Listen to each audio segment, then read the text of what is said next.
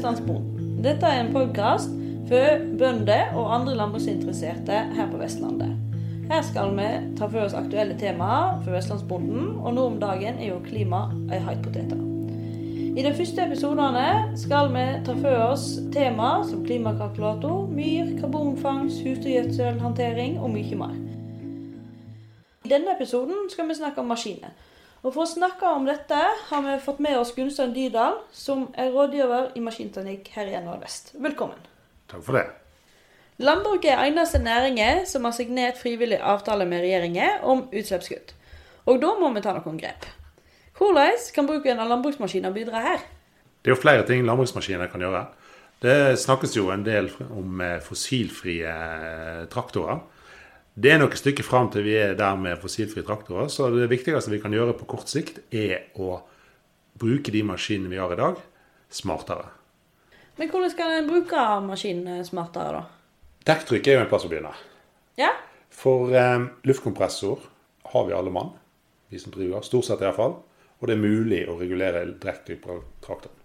Det koster lite og gir stor effekt. Men er ikke det veldig bare å la med seg den ut på bakkene når en har vært på veien? Finner den det riktige dekktrykk, den oppgaven den skal gjøre, så kan den spare opptil 10-15% drivstoff. Ja, det er ganske mye. Men hva vil det si på en vestlandsbruk, da? Tusenlapp er det jo fort. Jeg bruker veldig fort 10 000 kroner diesel på en vestlandsbruk. Så eh, det ting jeg bør vurdere. Det er for lite lufttrykk på veien er òg en utfordring. For da går traktoren tyngre. Det er tyngre å dra. Det tar mer diesel. Og Når vi snakker om CO2 og diesel, så er jo det samme ting. Mindre dieselforbruk er lik mindre CO2-utslipp.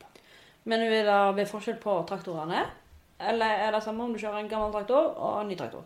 Det med dekktrykket vil jo være likt om det er ny eller gammel traktor. Det spiller ikke stor rolle. Klart På en nyere traktor så har du bedre dekkteknologi som tåler lavere lufttrykk f.eks. Har du en eldre traktor med diagonaldekk, så er det ikke så lett å slappe ned lufttrykket så mye. Og Da kan du få en sånn skjæreeffekt i jorda. Hvis du kjører ut på Teigen med for høyt lufttrykk og kanskje gammel diagonaldekk, så synker dekka for lavt ned.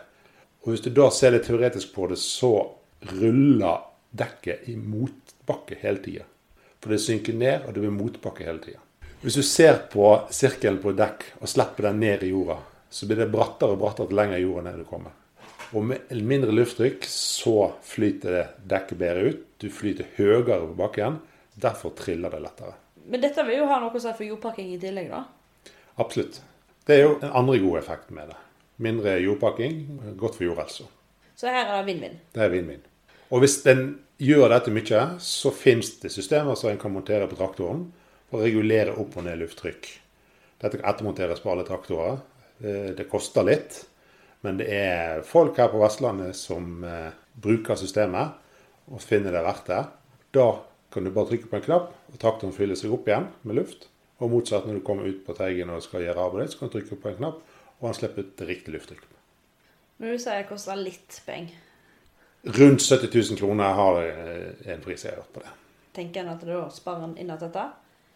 En får gjort kanskje en del arbeid som en ellers ikke hadde fått gjort. Og eh, spare det inn i rene kroner er kanskje vanskelig, men det er veldig gunstig. Og ser en ned i Europa, så er det blitt ganske vanlig på større maskiner. Og når du sier større maskin? Vi har jo en hellig grense på akseltrykk på jord. Det er jo ca. 6 tonn per aksling.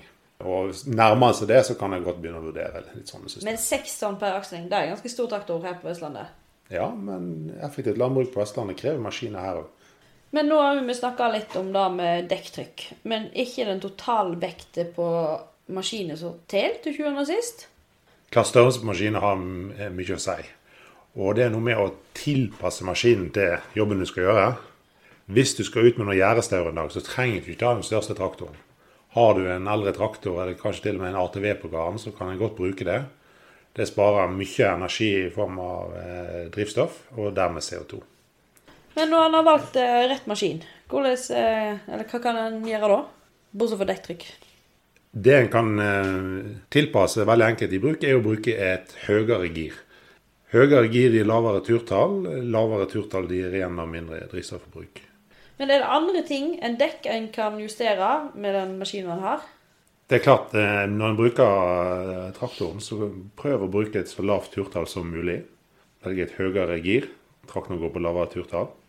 Traktoren jobber ofte godt eh, lavere enn maks turtall. En trenger ikke bruke maks turtall på alle arbeidsoppgaver.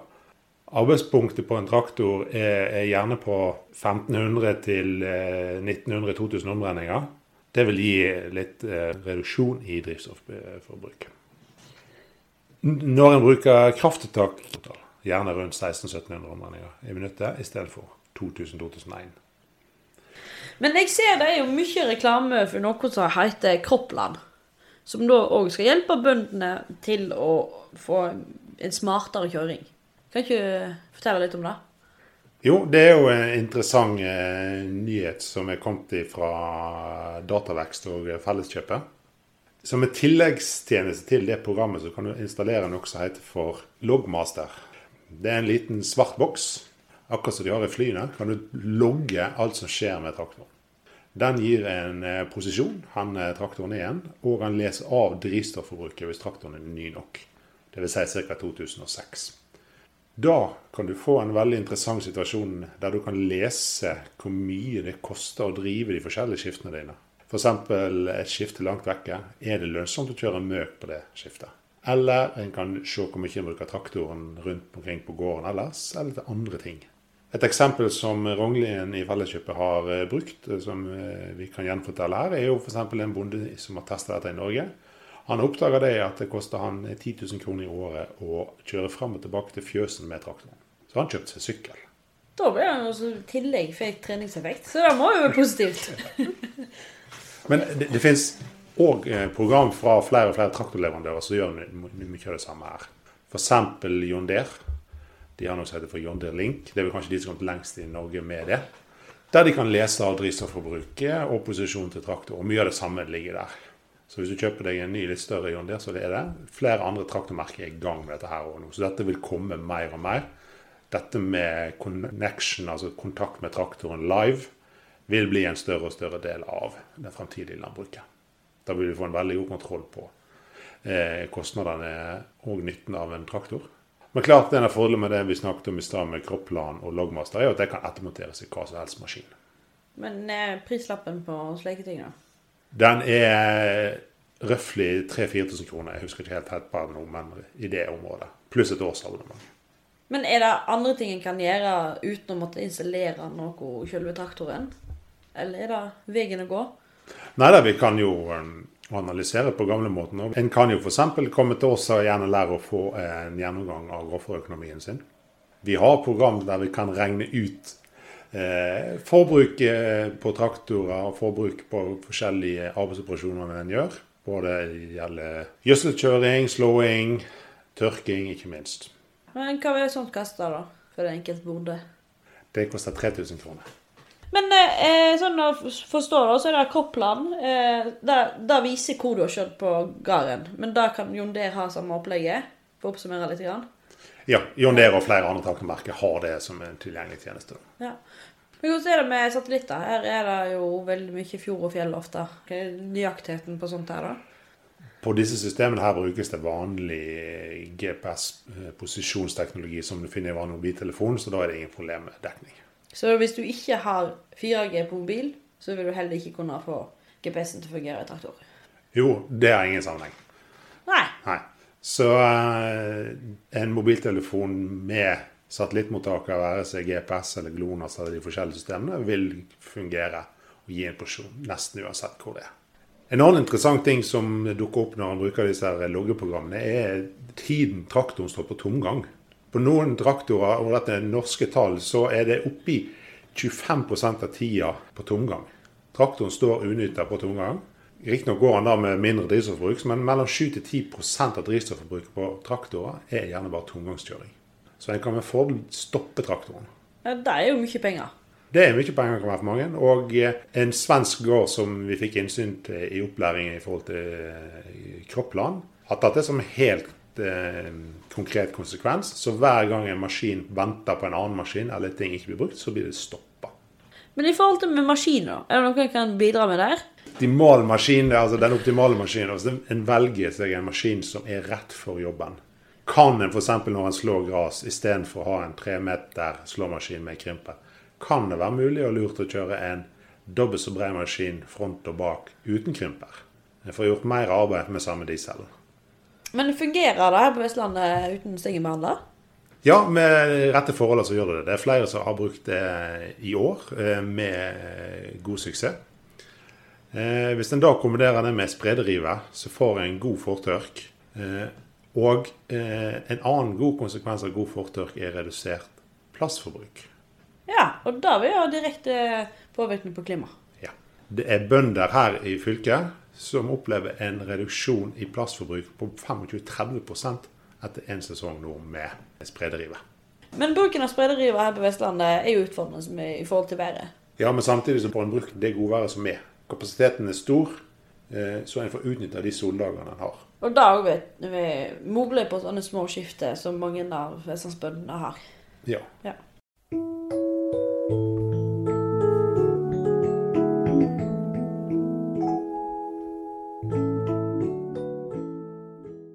Det er jo sagt at landbruket skal følge transportbransjen sin veikart om at alle fossile utslipp i jordbruket skal reduseres med minst 50 i 2030. Og fra 2050 med 100% Hva tenker du her? En nøkkel til å få til det er biodrivstoff. Eh, foreløpig så er batteriteknologien som brukes mye på biler i dag, lite egnet til traktor. En traktor går lenge og bruker mye krefter hele dagen. Derfor er batteri Foreløpig iallfall dårlig egnet for traktor. Så batteri er ikke veien å gå på traktor ennå. Det forskes på det og kommer et traktor med det, men det er noen stykker fram. Så raskeste løsningen her er biodrivstoff. Og De aller fleste traktorer som går i markedet i dag, kan gå på eh, biodrivstoff. Biodrivstoffet som blir laga i dag, er ikke det samme som vi hadde for en del år siden. Vi hadde litt problemer med det. Dagens biodrivstoff er veldig av god kvalitet og kan brukes direkte på dagens traktorer. Så hvis vi kan finne en ordning for å innføre biodrivstoff eh, på traktorer til landbruket, så kan vi komme i gang ganske fort. Foreløpig er biodrivstoff ca. 50% dyrere enn vanlig dieseldrivstoff. Så derfor må det noen initiativer til for å få det til. Ja, for per i dag så er det ingenting så uh, Det er ikke noen støtteordninger her som bidrar til Ikke meg bekjent, nei. nei. Men uh, hvordan er det lager av biodrivstoff? Det gjøres av forskjellige ting. Det som har vært mest aktuelt i Norge, er vel uh, et finsk produkt fra skogindustrien. Skogsavfall som blir lagd. Ja, og da kan vi bruke det samme skogsavfallet som vi har i Norge. Ja. ja. Men er det mye brukt i Norge per i dag? Som jeg bekjent, kjent, nei. Veldig lite brukt. Hvorfor ikke det kommet på banen før? Det er rett og slett prisspørsmål. Ja. Og, og så er det ikke mange år siden det ble av god nok kvalitet. Før var det noen utfordringer med kvaliteten på det i forhold til traktorene.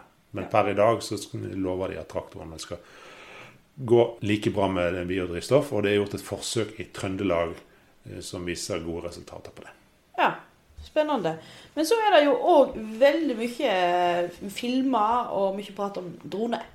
Kan en bruke mer droner i forhold til traktor i framtida? En del ting kan nok gjøres med drone i forhold til overvåkning. Og kanskje òg til en viss grad sprøyting. Men eh, de store avlsoppgavene kan ikke gjøres av en drone.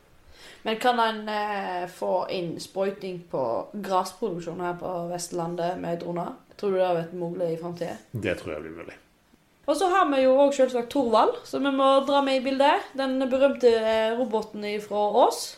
Ja, klart Thorvald er interessant. Den eh, har noen stykker fram, den òg. Det er noe med kapasiteten her. Vi snakket nettopp i stad om eh, dette med slåmaskin og stor arbeidsbredde for å få gjort mye på kort tid. Thorvald skal jo jobbe på litt annen måte, der det skal være lettere utstyr og flere av dem, men at du skal kunne jobbe da under mer varierende eh, forhold. Om det er veien fram og løsningen, det får framtiden se. Men foreløpig tror jeg vi må klare oss med traktorer og konvensjonelt utstyr ennå. Så da er det å kjøre smart? Ja. En kan jo f.eks. ta i bruk presisjonslandbruk. En kan eh, med autostyring som er på traktorer, de aller fleste traktorer tilgjengelig i dag kan en spare overlapp og kjøre mer effektivt. Det er en måte å spare drisse på. Men så er det òg veldig mange som kjører ganske langt til skiftet sine for å slå. Mm. Leieareal som er langt vekke. Mm. Hvor langt bør det være vekke før du skal kutte det ut i forhold til kjør av husdyrgjødsel? Eh, Jan Karsten Henriksen på NLR eh, Agder har jo regna en del mye på dette. Og han har funnet ut at ca. 7 km bør begynne å tenke seg om. Ja, Og det er ikke mye? Det er ikke mye. Men vår tidligere kollega av oss, Bart van Gool, han sa jo i sin tid at 1 km er så ca. 1 kubikk med møkavogner. Altså det er møkavogners størrelse som eh, gir utslag på hvor langt du kan kjøre med husdyrgjødselet. Vil det gjelde per i dag òg? Det tror jeg absolutt det vil gjøre, ja. Eh, men det er jo eh, andre metoder å kjøre ut hus og møke på òg. En har jo, eh, har jo slepeslanger, f.eks. Ja, det er klart en kan bruke slepslanger eh, med nedfeller. Det er det jo tilskudd å få på. Eh, og veldig mange har utnyttet seg det. Det er et godt tilskudd. Og det er utstyr med stor kapasitet som egner seg godt for maskinsamarbeid. Ja, og disse RMP-tilskuddene, der må jo vi være minnet på at det er søknadsfrist nå i høst. Så det er ikke for seint å søke på hvis du har brukt sleppeslanger i år. En klimagevinst er det med rett utlagt menn. Det er lett å legge ut riktig mengde. Og en får mindre kjøring fram og tilbake. Får veldig lite tomkjøring med traktor fram og tilbake. Og en kan bruke relativt lett traktor på eh, Teigen. Men er ikke det dyrt å investere i slepeslangeutstyr? Det er litt kostbart, men med dagens eh, tilskuddsordninger og maskinsamarbeid, så er, finner en lønnsomhet i å bruke slepeslangeutstyr. Hvis en skal få tilskudd for bruk av slepeslanger, så må en jo òg ha nedlegging. Og det vil jo føre til mindre lystgassutslipp. Så har en òg en annen metode som heter DGI. Er den mye brukt her på Vestlandet? Nei, den er ikke mye brukt. Den er vel i praksis nesten borte. For det er jo forskjell på nedlegging og nedfelling. Ja, hva er forskjellen? En nedlegger, som er en vanlig stripeslangespreder, som vi kaller det, legger gjødsla på bakken. Mens en nedfeller lager et lite spor i bakken og legger møka litt ned i bakken. Eller som DGI, som var mer brukt tidligere, der en skyter gjødsla ned i bakken. Men når en skyter gjødselet ned i bakken, vil en, vil en da få mindre lystgassutslipp i forhold til bruk av nedlegging? Den forskjellen er liten.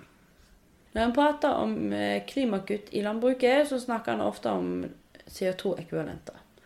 Det er en vanlig måte å måle klimautslippet på, der en vekter de ulike klimagassene. Det mildeste klimagassen det er CO2, og den har forhåndsale 1, mens metan har 25, og lystgass er på 298.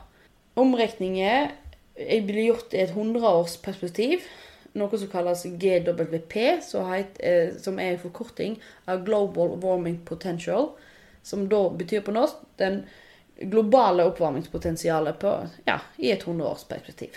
Da er det jo så at eh, diesel da frigjør jo for det meste CO2. Og Gunnstein, hvor mye CO2 er det i diesel?